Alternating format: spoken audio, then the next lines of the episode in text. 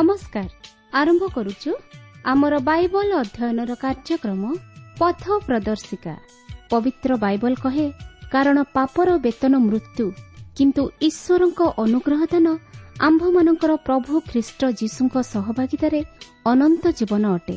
ଆସନ୍ତୁ ସେହି ମୃତ୍ୟୁର ଭୟରୁ ରକ୍ଷା ପାଇ ଅନନ୍ତ ଜୀବନର ଅଧିକାରୀ ହେବା ନିମନ୍ତେ ଶୁଣିବା ବେତାର କାର୍ଯ୍ୟକ୍ରମ ପଥ ପ୍ରଦର୍ଶିକା।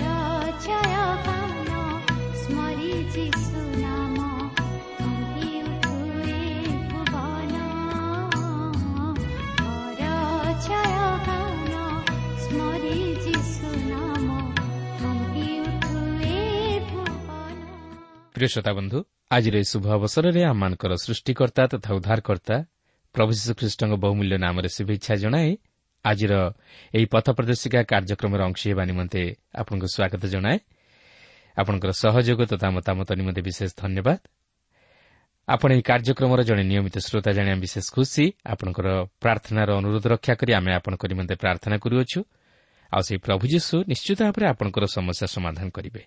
ସେ ଆପଣଙ୍କର ଦୁଃଖ ଦୂର କରିବେ। ସେ ଆପଣଙ୍କୁ ସୁସ୍ଥ କରିବେ। ଆସନ୍ତୁ ତାହେଲେ ପ୍ରଭୁଙ୍କର ବାକ୍ୟ ମଧ୍ୟକୁ ଯିବା ପୂର୍ବରୁ ସଂକ୍ଷେପରେ ପ୍ରାର୍ଥନା କରିବା। ପବିତ୍ର ପ୍ରଭୁ ତୁମର ପବିତ୍ର ନାମର ଧନ୍ୟବାଦ କରୁଅଛି ଏହି ସୁନ୍ଦର ସମୟ ପାଇଁ ତୁମର ଜୀବନ୍ତ ବାକ୍ୟ ପାଇଁ। ପ୍ରଭୁ ତୁମର ବାକ୍ୟ ମଧ୍ୟ ଦେଇ ତୁମେ ଆମମାନଙ୍କ ସହିତ କଥା କୁହ। ଆମମାନଙ୍କୁ ପ୍ରଭୁ ତୁମେ ଏକାଗ୍ରତା ପ୍ରଦାନ କର ସରଳ ହୃଦୟ ପ୍ରଦାନ କର। ଏବଂ ଆମମାନଙ୍କ ମନ ମଧ୍ୟରୁ ସମସ୍ତ ପ୍ରକାର ଅବିଶ୍ୱାସ ସନ୍ଦେହ ଦୂର କରିଦିଅ। ଯେତିକି ସମୟ ଧରି ଆମେ ତୁମର ବାକ୍ୟ ଅଧ୍ୟୟନ ବା ଶ୍ରବଣ କରିବୁ ସେଥିନିମନ୍ତେ ଆମମାନଙ୍କୁ ଧୀର ସ୍ଥିର ଚିତ୍ତ ଦାନ କର। ଆଜିର ଏହି କାର୍ଯ୍ୟକ୍ରମ ମଧ୍ୟ ଦେଇ ପ୍ରତ୍ୟେକ ଶ୍ରୋତାବନ୍ଧୁମାନଙ୍କୁ ତୁମେ ଆଶୀର୍ବାଦ କର। ଯୀଶୁଙ୍କ ନାମରେ ମାଗୁଅଛୁ।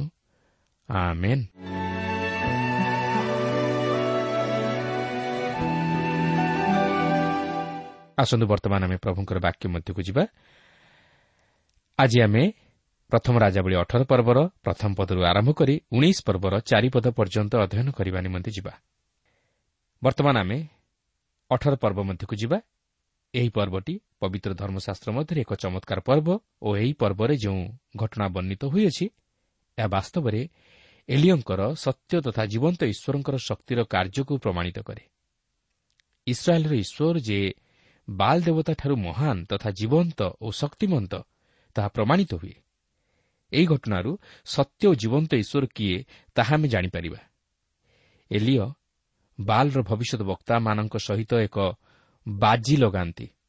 ଏପରିକି ବାଲ୍ର ଚାରିଶହ ପଚାଶ ଜଣ ଭବିଷ୍ୟତ ବକ୍ତା ଏଲିଓଙ୍କ ପରି ଇସ୍ରାଏଲ୍ର ଜଣେ ଭବିଷ୍ୟତ ବକ୍ତାଙ୍କ ସହ ସମକକ୍ଷ ନଥିଲେ ଓ ସେମାନେ ଏଲିଓ ଭବିଷ୍ୟତ ବକ୍ତାଙ୍କ ନିକଟରେ ହାର ମାନିଲେ। ମାତ୍ର ଏଲିଓ ଭବିଷ୍ୟତ ବକ୍ତା ଜୟୀ ହେଲେ କାରଣ ସେ ଇସ୍ରାଏଲ୍ର ଜୀବନ୍ତ ତଥା ସତ୍ୟ ଈଶ୍ୱରଙ୍କର ସପକ୍ଷରେ ଛିଡ଼ା ହୋଇଥିଲେ ଓ ଈଶ୍ୱର ତାହାଙ୍କର ସପକ୍ଷ ଥିଲେ। ଏହି ସମସ୍ତ ଶକ୍ତିର କାର୍ଯ୍ୟ ଏଲିଓଙ୍କର ନଥିଲା ମାତ୍ର ଏଲିଓଙ୍କ ମାଧ୍ୟମରେ ଈଶ୍ୱରଙ୍କର ଥିଲା।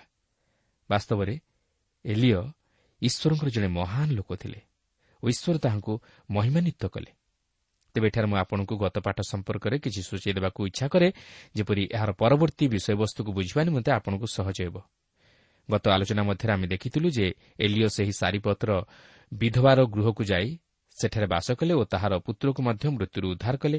ଏଲିଓଙ୍କ ଲାଗି ସେହି ବିଧବା ମଧ୍ୟ ଆଶୀର୍ବାଦର ଅଧିକାରୀ ହେଲା। ତାହାର ମଇଦା କଳସ ଶୂନ୍ୟ ହେଲା ନାହିଁ କି ପାତ୍ରରେ ତୈଳର ଅଭାବ ହେଲା ନାହିଁ। ପ୍ରଭୁ ଆଶ୍ଚର୍ଯ୍ୟ ଭାବରେ ସେହି ବିଧବା ଓ ତାହାର ପୁତ୍ର ସନ୍ତାନଙ୍କୁ ସେହି ଦୁର୍ଭିକ୍ଷ ଦାଉରୁ ରକ୍ଷା କଲେ। କିନ୍ତୁ ଆଜି ଆମେ ଏହି ପ୍ରଥମ ରାଜାବଳୀ ଅଠର ପର୍ବରେ ଏଲିଓ କିପରି ସେହି ବାଲ୍ର ଚାରିଶହ ପଚାଶ ଜଣ ଭବିଷ୍ୟତ ବକ୍ତାଙ୍କ ସମ୍ମୁଖରେ ଇସ୍ରାଏଲ୍ର ସତ୍ୟ ତଥା ଜୀବନ୍ତ ଈଶ୍ୱରଙ୍କୁ ପ୍ରମାଣିତ କଲେ ତାହା ଅଧ୍ୟୟନ କରି ତହିଁରୁ ଆମର ଆଧ୍ୟାତ୍ମିକ ଜୀବନ ନିମନ୍ତେ କିଛି ଶିକ୍ଷା ଗ୍ରହଣ କରିବା। ପ୍ରଥମ ରାଜାବଳୀ ଅଠର ପର୍ବର ପ୍ରଥମ ଦୁଇ ପଦରେ ଏହିପରି ଲେଖା ଅଛି ଅନେକ ଦିନ ଉତ୍ତାରେ ତୃତୀୟ ବର୍ଷରେ ଏଲିଓଙ୍କ ନିକଟରେ ସଦାପ୍ରଭୁଙ୍କ ବାକ୍ୟ ଉପସ୍ଥିତ ହେଲା ଯଥା ତୁମ୍ଭେ ଯାଇ ଆହବକୁ ଦେଖାଦିଅ ତହୁଁ ଆମ୍ଭେ ଭୂମିକୁ ବୃଷ୍ଟି ପଠାଇବା। ଏଥିରେ ଏଲିଓ ଆହବଙ୍କୁ ଦେଖାଦେବା ପାଇଁ ଗମନ କଲେ। ସେ ସମୟରେ ସମରିଆରେ ପ୍ରବଳ ଦୁର୍ଭିକ୍ଷ ହୋଇଥିଲା। ଈଶ୍ୱର ଏଲିଓଙ୍କୁ ବର୍ତ୍ତମାନ ବ୍ୟବହାର କରିବାକୁ ଯାଉଅଛନ୍ତି। ଏଲିଓ ବର୍ତ୍ତମାନ ଦୃଢ଼ତାର ସହିତ ଆଗେଇ ଯିବା ନିମନ୍ତେ ପ୍ରସ୍ତୁତ। ସେ ବର୍ତ୍ତମାନ ଜାଣିପାରିଲେ ଯେ ସେ କିଛି ନୁହନ୍ତି ମାତ୍ର ଈଶ୍ୱର ହିଁ ସବୁକିଛି ଓ ସେ ହିଁ କେବଳ ସମସ୍ତ ବିଷୟ ସାଧନ କରିପାରିବେ। ସେ ହିଁ ଅସମ୍ଭବ ବିଷୟକୁ ସମ୍ଭବରେ ପରିଣତ କରିପାରିବେ। ସେ ବର୍ତ୍ତମାନ ଆହବ ରାଜାଙ୍କୁ ସାକ୍ଷାତ କରିବା ନିମନ୍ତେ ପ୍ରସ୍ତୁତ ହେଉଛନ୍ତି। ଅଠର ପର୍ବର ତିନି ପଦରୁ ଛଅ ପଦ ମଧ୍ୟରେ ଏହିପରି ଲେଖା ଅଛି। ଏଣୁ ଆହବ ରାଜଗୃହର ଅଧ୍ୟକ୍ଷ ଓବଦିଓକୁ ଡକାଇଲେ।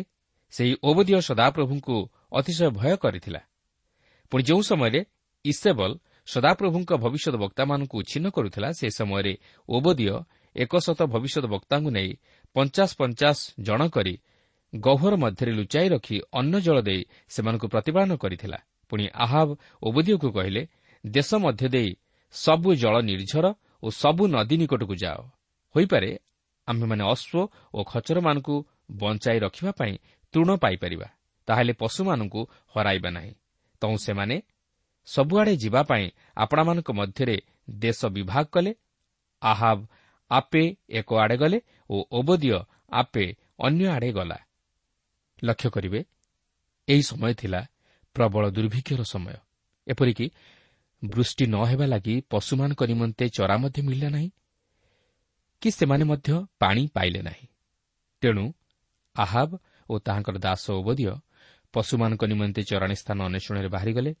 ଆହାବ ଏକ ଦିଗକୁ ଗଲେ ଓ ଓବଦିଅ ଅନ୍ୟ ଦିଗକୁ ଗଲା।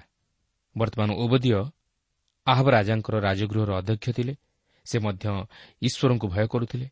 ଏପରିକି ସେ ଇସେବଲର ହସ୍ତରୁ ଈଶ୍ୱରଙ୍କର ଏକ ଶହ ଭବିଷ୍ୟତ ବକ୍ତାଙ୍କୁ ରକ୍ଷା କରିବାକୁ ଯାଇ ସେମାନଙ୍କୁ ଗୋହର ମଧ୍ୟରେ ଲୁଚାଇ ରଖି ଅନ୍ନ ଜଳ ଦେଇ ସେମାନଙ୍କୁ ପ୍ରତିପାଳନ କରୁଥିଲେ।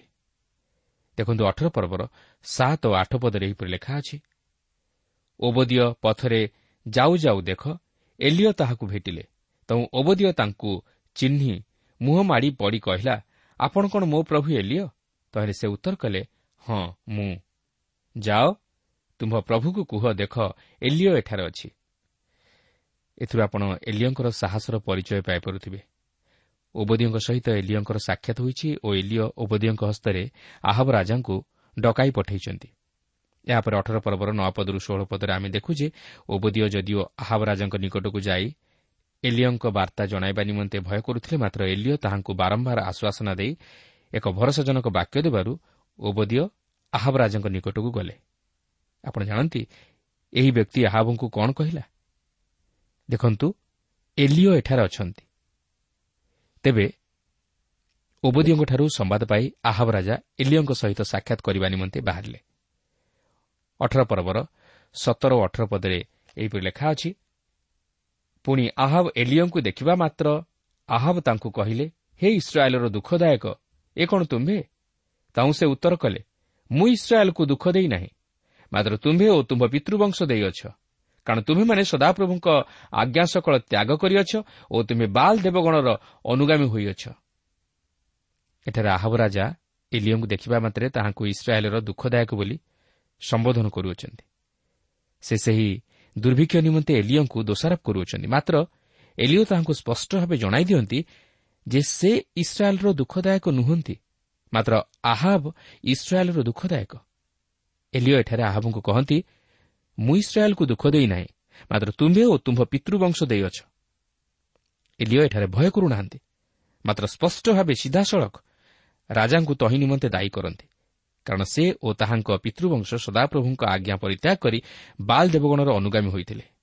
ଏଠାରେ ମଧ୍ୟ ଏଲିଓ ତହିଁର କାରଣ ଦର୍ଶାଇ ଦିଅନ୍ତି। କେବଳ ସେତିକି ନୁହେଁ ତାହାଙ୍କର ବାକ୍ୟ ଯେ ସତ୍ୟ ଓ ଇସ୍ରାଏଲ୍ର ସଦାପ୍ରଭୁ ଯେ ସତ୍ୟ ଓ ଜୀବନ୍ତ ତାହା ମଧ୍ୟ ସେ ଆହାବ ରାଜାଙ୍କୁ ପ୍ରମାଣିତ କରି ଦେଖାଇଦେବା ନିମନ୍ତେ ତାହାଙ୍କ ସହ ବାଜି ଲଗାଇଥିଲେ ଓ ଇସ୍ରାଏଲ୍ର ସଦାପ୍ରଭୁ ଯେ ସତ୍ୟ ଓ ଜୀବନ୍ତ ମାତ୍ର ବାଲ୍ ଦେବତା ଯେ ମିଥ୍ୟା ଏହା ମଧ୍ୟ ପ୍ରମାଣିତ କରିଦେଇଥିଲେ ଅଠର ପର୍ବର ଉଣେଇଶ ପଦରେ ଏହିପରି ଲେଖା ଅଛି ଏହେତୁ ଏବେ ତୁମ୍ଭେ ଲୋକ ପଠାଇ ସମଗ୍ର ଇସ୍ରାଏଲ୍କୁ ଓ ଇସେବଲର ମେଜରେ ଭୋଜନକାରୀ ବାଲ୍ର ଚାରିଶହ ପଞ୍ଚାଶ ଭବିଷ୍ୟତ ବକ୍ତାଙ୍କୁ ଓ ଆସେରାର ଚାରିଶହ ଭବିଷ୍ୟତ ବକ୍ତାଙ୍କୁ କର୍ମିଲ୍ ପର୍ବତରେ ମୋ ନିକଟରେ ଏକତ୍ର କର। ପ୍ରକୃତରେ ଦେଖିବାକୁ ଗଲେ ଏହି ପ୍ରତିଯୋଗିତା ଈଶ୍ୱର ଓ ଶୈତାନ ମଧ୍ୟରେ ଅନୁଷ୍ଠିତ ହୋଇଥିଲା। ସତ୍ୟ ଓ ଜୀବନ୍ତ ଈଶ୍ୱରଙ୍କ ଉପାସନା ସହିତ ମିଥ୍ୟା ତଥା ମୃତ ଈଶ୍ୱରଙ୍କ ଉପାସନା ମଧ୍ୟରେ ପ୍ରତିଯୋଗିତା ହୋଇଥିଲା। କିନ୍ତୁ ବାହ୍ୟ ଦୃଷ୍ଟିକୋଣରୁ ଚିନ୍ତା କଲେ ଏହା ଆହାବ ଓ ଇସେବଲ ବାଲ୍ର ଚାରିଶହ ପଚାଶ ଜଣ ଭବିଷ୍ୟତ ବକ୍ତାଙ୍କ ସହିତ ମିଶି ଇସ୍ରାଏଲ୍ର ଏକମାତ୍ର ଭବିଷ୍ୟତ ବକ୍ତା ଏଲିଓଙ୍କ ସହିତ ପ୍ରତିଯୋଗିତା ଆରମ୍ଭ କରିଥିଲେ। କିନ୍ତୁ ସେ ଯାହା ହେଉନା କାହିଁକି ଏଲିଓ ଜୟୀ ହେଲେ ଓ ବାଲ୍ର ଚାରିଶହ ପଞ୍ଚାଶ ଜଣ ଭବିଷ୍ୟତ ବକ୍ତା ପରାଜିତ ହେଲେ। ତେବେ ଲକ୍ଷ୍ୟ କରନ୍ତୁ ବର୍ତ୍ତମାନ ଏଲିଓ କ'ଣ କରିବା ପାଇଁ ଯାଉଅଛନ୍ତି। ଅଠର ପର୍ବର କୋଡ଼ିଏ ଓ ଏକୋଇଶ ପଦରେ ଆମେ ଦେଖୁ ଯେ ଇସ୍ରାଏଲ୍ ଲୋକମାନେ କର୍ମିଲ୍ ପର୍ବତରେ ଏକତ୍ର ହେଲେ ଓ ସେହି ସ୍ଥାନରେ ବାଲ୍ର ଚାରିଶହ ପଚାଶ ଜଣ ଭବିଷ୍ୟତ ବକ୍ତାଙ୍କ ସହିତ ଏଲିଓଙ୍କର ପ୍ରତିଯୋଗିତା ଆରମ୍ଭ ହେବାକୁ ଯାଉଥିଲା। ଏଲିଓ ଇସ୍ରାଏଲ୍ ଲୋକମାନଙ୍କର ମନୋଭାବକୁ ଜାଣିଥିଲେ। ସେମାନେ ଯେ ଦୁଇ ପ୍ରକାର ବିଶ୍ୱାସ ମତ ମଧ୍ୟରେ ଦ୍ୱନ୍ଦ୍ୱରେ ପଡ଼ି ବାଲ୍ ଦେବଗଣର ପଶ୍ଚାଦଗାମୀ ହୋଇଥିଲେ ତାହା ମଧ୍ୟ ସେ ଜାଣିଥିଲେ। ତେଣୁକରି ସେ ସେମାନଙ୍କୁ ଯାହା ପଚାରିଲେ ସେମାନେ ତହିଁର ଉତ୍ତର ଦେଇପାରିଲେ ନାହିଁ କାରଣ ସେମାନେ ନିଜକୁ ପାପି ବୋଲି ବିଚାର କରିଥିଲେ। ସେମାନେ ସତ୍ୟ ଓ ଜୀବନ୍ତ ଈଶ୍ୱରଙ୍କୁ ପୂଜା କରୁଅଛନ୍ତି ବୋଲି ଛଳନା କରି ବାଲ୍ ଦେବଗଣର ପୂଜା କରୁଥିଲେ। ଆଜି ମଧ୍ୟ ଏହିପରି ଅନେକ ଅଛନ୍ତି ଯେଉଁମାନେ କି ଦୁଇ ପ୍ରକାର ବିଶ୍ୱାସ ମତ ଧରି ଚାଲନ୍ତି ବା ଦୁଇ ପ୍ରକାର ଜୀବନ ଅତିବାହିତ କରନ୍ତି ବା ଦୁଇ ନାଁରେ ଗୋଡ଼ ଦେଇ ଜୀବନଯାପନ କରନ୍ତି। ଆଜି ଏହିପରି ଅନେକ ଦ୍ୱିମନା ଲୋକମାନେ ଅଛନ୍ତି ଯେଉଁମାନେ ଜଗତକୁ ପ୍ରେମ କରନ୍ତି ଓ ଈଶ୍ୱରଙ୍କୁ ମଧ୍ୟ ପ୍ରେମ କରନ୍ତି। ପ୍ରତିମା ପୂଜା କରନ୍ତି ମାତ୍ର ଖ୍ରୀଷ୍ଟଙ୍କୁ ଗ୍ରହଣ କରି ତାହାଙ୍କଠାରେ ବିଶ୍ୱାସ କରନ୍ତି ବୋଲି କହନ୍ତି। ବା ଖ୍ରୀଷ୍ଟ ବିଶ୍ୱାସୀ ବୋଲି ପରିଚୟ ଦିଅନ୍ତି। କିନ୍ତୁ ପ୍ରଭୁ ସେ ପ୍ରକାର ଲୋକମାନଙ୍କୁ ଘୃଣା କରନ୍ତି। ଆମମାନଙ୍କର ହଁ କଥା ହଁ ହେଉ କିମ୍ବା ନା କଥା ନା ହେଉ। ଆଜି ଅନେକ ଧର୍ମର ମୁଖା ପିନ୍ଧି ଅଧର୍ମ କରନ୍ତି ଓ ଧର୍ମ ନାମରେ ଅନେକ ପ୍ରକାର ଜାଲିଆତି ବା ପ୍ରତାରଣା କରନ୍ତି। ଆଜି ଖ୍ରୀଷ୍ଟୀୟ ମଣ୍ଡଳୀ ମଧ୍ୟରେ ଏହିପରି ଲୋକମାନେ ଦଳଭେଦ ବା ମତଭେଦ ସୃଷ୍ଟି କରନ୍ତି ଯଦ୍ୱାରା ମଣ୍ଡଳୀର ଆତ୍ମିକ ଜୀବନର ଅଗ୍ରଗତିରେ ବା ଅଭିବୃଦ୍ଧିରେ ବାଧା ଉପୁଜେ। ଏଠାରେ ଦେଖନ୍ତୁ ଇସ୍ରାଏଲ୍ ସନ୍ତାନଗଣ ତାହାଙ୍କୁ ଗୋଟିଏ କଥାରେ ହିଁ ଉତ୍ତର ଦେଲେ ନାହିଁ ଯେହେତୁ ସେମାନେ ସେହିପରି ଜୀବନଯାପନ କରୁଥିଲେ। ତେବେ ପ୍ରତିଯୋଗିତାଟି ଏହିପରି ଥିଲା ଯାହାକି ଅଠର ପର୍ବର ବାଇଶ ପଦରୁ ଚବିଶ ପଦ ମଧ୍ୟରେ ଲେଖା ଅଛି। ତହୁଁ ଏଲିଓ ଲୋକମାନଙ୍କୁ କହିଲେ ମୁଁ କେବଳ ମୁଁ ସଦାପ୍ରଭୁଙ୍କର ଏକ ଭବିଷ୍ୟତ ବକ୍ତା ଅବଶିଷ୍ଟ ଅଛି। ମାତ୍ର ବାଲ୍ର ଭବିଷ୍ୟତ ବକ୍ତା ଚାରିଶହ ପଞ୍ଚାଶ ଜଣ ଅଛନ୍ତି। ଏତୁ ସେମାନେ ଆମମାନଙ୍କୁ ଦୁଇ ବୃଷ ଦେଉନ୍ତୁ ଆଉ ସେମାନେ ଆପଣାମାନଙ୍କ ପାଇଁ ଗୋଟିଏ ବୃଷ ପସନ୍ଦ କରନ୍ତୁ ଓ ତାହା ଖଣ୍ଡ ଖଣ୍ଡ କରି କାଷ୍ଠ ଉପରେ ରଖନ୍ତୁ। ମାତ୍ର ତଳେ ଅଗ୍ନି ନ ଦେଉନ୍ତୁ। ଆଉ ମୁଁ ଅନ୍ୟ ବୃଷଟିକି ପ୍ରସ୍ତୁତ କରି କାଷ୍ଠ ଉପରେ ରଖିବି ମାତ୍ର ତଳେ ଅଗ୍ନି ଦେବି ନାହିଁ। ତେଣୁ ତୁମେମାନେ ଆପଣମାନଙ୍କ ଦେବତା ନାମରେ ଡାକି ପ୍ରାର୍ଥନା କର ପୁଣି ମୁଁ ସଦାପ୍ରଭୁଙ୍କ ନାମରେ ଡାକି ପ୍ରାର୍ଥନା କରିବି। ତହିଁରେ ଯେ ଅଗ୍ନି ଦ୍ୱାରା ଉତ୍ତର ଦେବେ ସେ ପରମେଶ୍ୱର ହେଉନ୍ତୁ। ଏଥିରେ ସମସ୍ତ ଲୋକ ଉତ୍ତର କଲେ ଏକଥା ଉତ୍ତମ।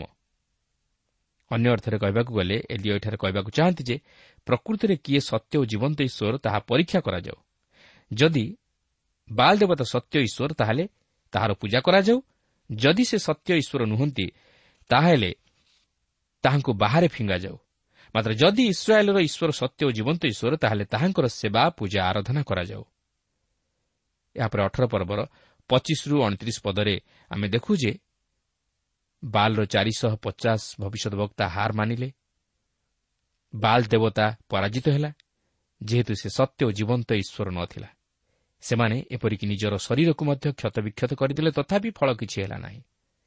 ବର୍ତ୍ତମାନ ଏଲିଓ କ'ଣ କରିବା ପାଇଁ ଯାଉଅଛନ୍ତି ଲକ୍ଷ୍ୟ କରନ୍ତୁ।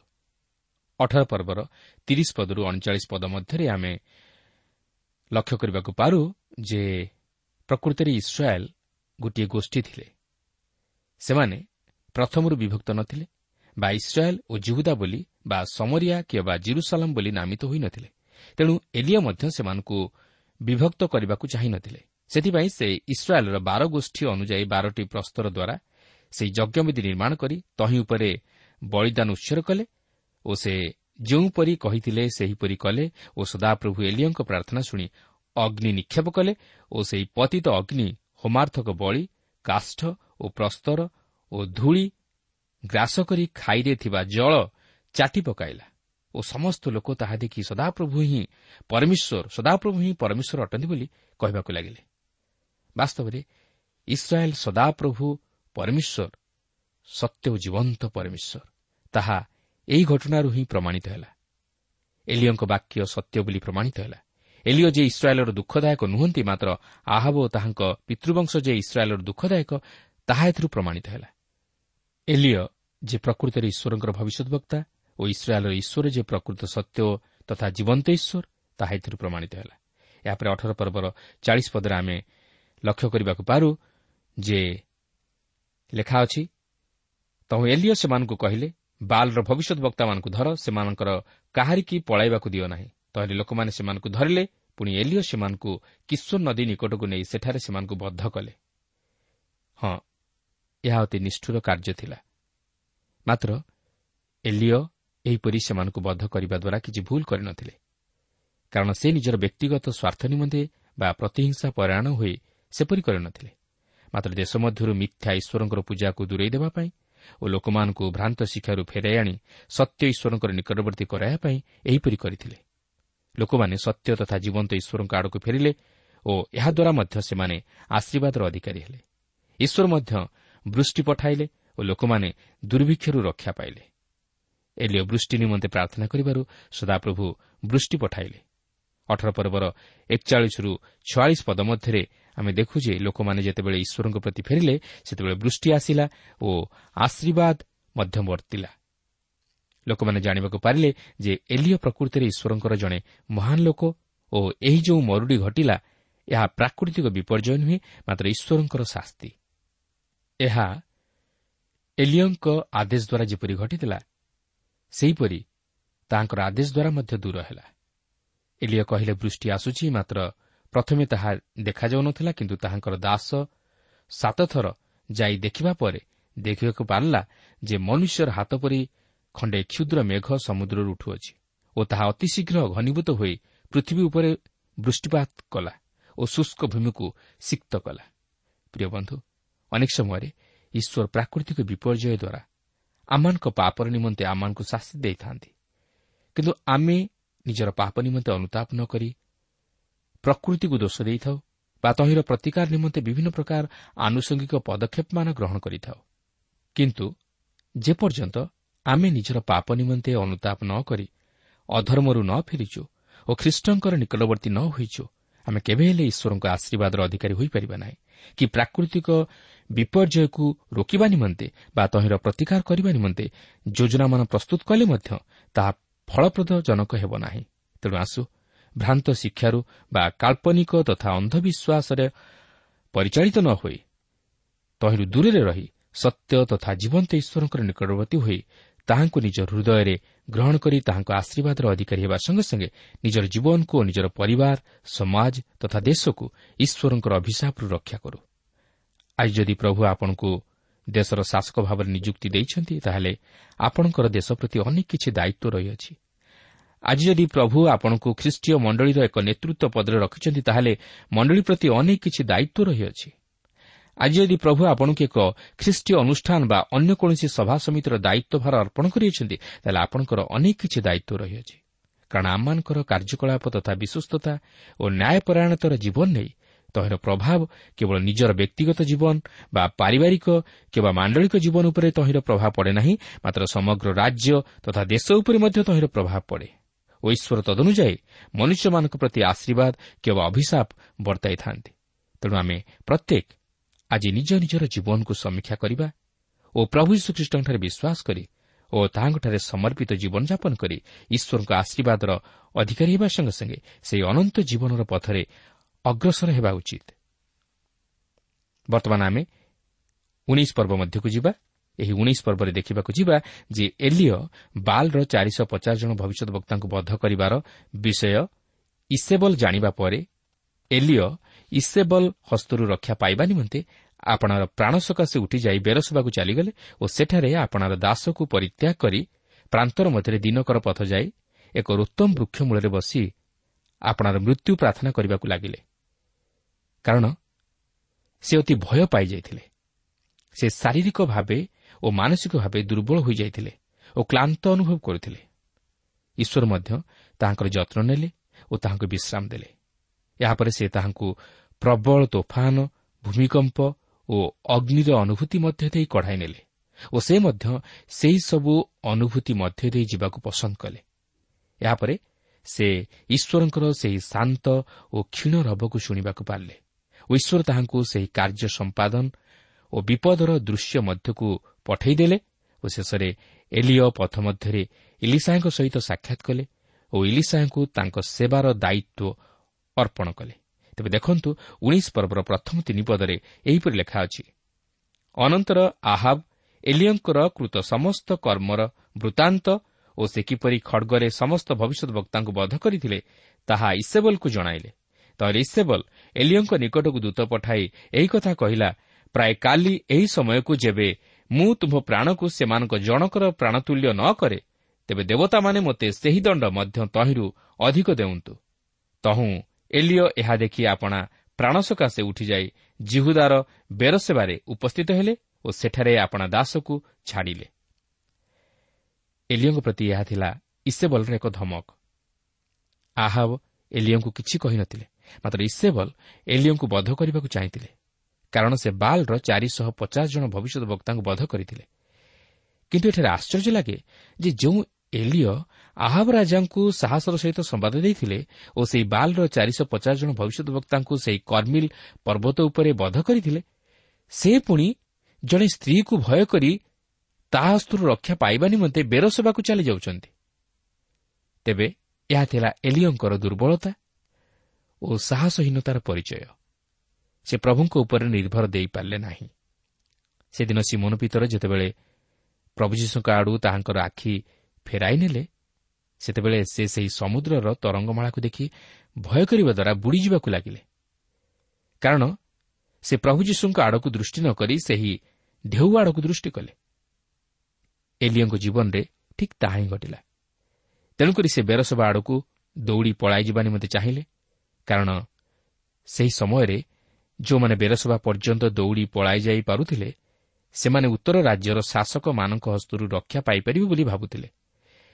ତେବେ ଏଲିଓ ଏତେ ଦୂର ଭୟ ପାଇଯାଇଥିଲେ ଯେ ସେ ସେହି ବେରସଭାରେ ତାହାଙ୍କର ଦାସକୁ ଛାଡ଼ି ସେଠାରୁ ପ୍ରାନ୍ତର ଭିତରକୁ ଆହୁରି ଦିନକର ପଥ ଅତିକ୍ରମ କରି ଏକ ରୁତ୍ତମ ବୃକ୍ଷମୂଳରେ ବସି ଆପଣର ମୃତ୍ୟୁ ପ୍ରାର୍ଥନା କରିବାକୁ ଲାଗିଲେ। ଦେଖନ୍ତୁ ଉଣେଇଶ ପର୍ବର ଚାରିପଦରେ ଲେଖା ଅଛି ମାତ୍ର ସେ ଆପେ ପ୍ରାନ୍ତର ଭିତରକୁ ଦିନକର ପଥ ଯାଇ ଏକ ରୁତ୍ତମ ବୃକ୍ଷ ମୂଳରେ ଉପସ୍ଥିତ ହୋଇ ବସିଲେ ଓ ଆପଣା ମୃତ୍ୟୁ ପ୍ରାର୍ଥନା କରି କହିଲେ ଯଥେଷ୍ଟ ହେଲାଣି। ଏବେ ହେ ସଦାପ୍ରଭୁ ମୋର ପ୍ରାଣ ନିଅ। କାରଣ ମୁଁ ଆପଣା ପୂର୍ବପୁରୁଷମାନଙ୍କଠାରୁ ଭଲ ନୁହେଁ। ଏଥିରୁ ଆପଣ ଅନୁମାନ କରିପାରୁଥିବେ ଯେ ଏଲିଓ କେତେ ସାହସହୀନ ହୋଇପଡ଼ିଥିଲେ। ସେ ଜଣେ ସ୍ତ୍ରୀ ଲୋକଠାରୁ ନିଜକୁ ଲୁଚାଇବା ପାଇଁ ଚେଷ୍ଟା କରିଥିଲେ। କିନ୍ତୁ ଏଠାରେ ପ୍ରଶ୍ନ ଆସେ ଏଲିଓଙ୍କ ପରି ବ୍ୟକ୍ତି କାହିଁକି ସେପରି ଭୟଗ୍ରସ୍ତ ହୋଇ ଆପଣଙ୍କୁ ଲୁଚାଇବାକୁ ଚେଷ୍ଟା କରିଥିଲେ? ସମ୍ଭବତଃ ଏହାର ଦୁଇଟି କାରଣ ଥାଇପାରେ। ପ୍ରଥମତଃ ସେ ବୋଧହୁଏ ଶାରୀରିକ ଭାବେ ଅତିରିକ୍ତ ପରିଶ୍ରମ କରି ଶ୍ରାନ୍ତ କ୍ଲାନ୍ତ ହୋଇଯାଇଥିବାରୁ ଓ ଦୀର୍ଘ ସମୟ ଧରି ସେହି ପ୍ରତିବନ୍ଧକର ସମ୍ମୁଖୀନ ହୋଇଥିବାରୁ ସେ ପୁନର୍ବାର କୌଣସି ପ୍ରକାର ପ୍ରତିବନ୍ଧକର ସମ୍ମୁଖୀନ ହୋଇ ତହିଁର ପ୍ରତିକାର କରିବାକୁ ଇଚ୍ଛା କରୁନଥିଲେ। କାରଣ ଏଥିପୂର୍ବରୁ ସେ ବାଲ୍ର ସେହି ଚାରିଶହ ପଚାଶ ମାଓବାଦୀମାନଙ୍କର ସମ୍ମୁଖୀନ ହୋଇ ସେମାନଙ୍କୁ ବଧ କରିଥିଲେ। ଦ୍ୱିତୀୟତଃ ସେ ମାନସିକ ଭାବେ ମଧ୍ୟ ହତୋତ୍ସାହ ହୋଇପଡ଼ିଥିଲେ। ତାହାଙ୍କର ମନୋବଳ ଭାଙ୍ଗି ପଡ଼ିଥିଲା ସେ ଭାବପ୍ରବଣତା ବଶତଃ ନିଜକୁ ଅତି ଅଭାଗା ବା ଦୁର୍ଭାଗା ଓ ଅଯୋଗ୍ୟ ବୋଲି ବିଚାର କରି ପ୍ରଭୁଙ୍କଠାରେ ତାଙ୍କର ଯେଉଁ ଭରସା ଥିଲା ତାହାକୁ ବୋଧହୁଏ ହରାଇ ବସିଥିଲେ। ତେଣୁକରି ସେ ଭାବପ୍ରବଣତା ବଶତଃ ପ୍ରଭୁଙ୍କ ନିକଟରେ ତାହାଙ୍କର ମୃତ୍ୟୁ ପ୍ରାର୍ଥନା କରି କହନ୍ତି ଯଥେଷ୍ଟ ହେଲାଣି। ଏବେ ହେ ସଦାପ୍ରଭୁ ମୋର ପ୍ରାଣ ନିଅ କାରଣ ମୁଁ ଆପଣା ପୂର୍ବପୁରୁଷମାନଙ୍କଠାରୁ ଭଲ ନୁହେଁ। ସେପରି କହିବାର କାରଣ ହେଉଛି ଯେ ସେ ଅତି ଭୟଙ୍କର ପରିସ୍ଥିତି ମଧ୍ୟ ଦେଇ ଗତି କରୁଥିଲେ। ଅନେକ ସମୟରେ ଆମମାନଙ୍କ ଜୀବନରେ ତାହା ହିଁ ଘଟେ। ଆମେ କୌଣସି ପ୍ରକାର ଦୁଃଖ ତଥା ସମସ୍ୟା ମଧ୍ୟ ଦେଇ ଗତି କରିବା ଦ୍ୱାରା ଭାବପ୍ରବଣତା ବଶତଃ ଈଶ୍ୱରଙ୍କ ଇଚ୍ଛା ବିରୁଦ୍ଧରେ ଯାଉ ଓ ଈଶ୍ୱରଙ୍କ ଉପରେ ଅଭିମାନ କରୁ। ଈଶ୍ୱରଙ୍କ ଉପରେ ଭରସା ସ୍ଥାପନ କରିପାରିନଥାଉ କିନ୍ତୁ ତାହା ଠିକ୍ ନୁହେଁ। ଆମେ ଈଶ୍ୱରଙ୍କୁ ପରିତ୍ୟାଗ କରିଦେଇପାରୁ ମାତ୍ର ଈଶ୍ୱର ଆମମାନଙ୍କୁ କେବେ ହେଲେ ପରିତ୍ୟାଗ କରିନଥାନ୍ତି ସେ ଉପଯୁକ୍ତ ସମୟରେ ଆମମାନଙ୍କୁ ସାହାଯ୍ୟ କରିଥାନ୍ତି ଓ ସମସ୍ତ ବିପଦରୁ ଆମମାନଙ୍କୁ ରକ୍ଷା କରିଥାନ୍ତି। ତେଣୁ ଆସୁ ଜୀବନର ପ୍ରତ୍ୟେକ ପରିସ୍ଥିତିରେ ପ୍ରତ୍ୟେକ ସମସ୍ୟାରେ ଆମେ ସେ ଈଶ୍ୱରଙ୍କ ଉପରେ ନିର୍ଭର କରି ପ୍ରଭୁ ଶ୍ରୀକୃଷ୍ଣଙ୍କର ଶରଣାପନ୍ନ ହେଉ। ପ୍ରଭା ପ୍ରତ୍ୟେକଙ୍କୁ ଆଶୀର୍ବାଦ କରନ୍ତୁ।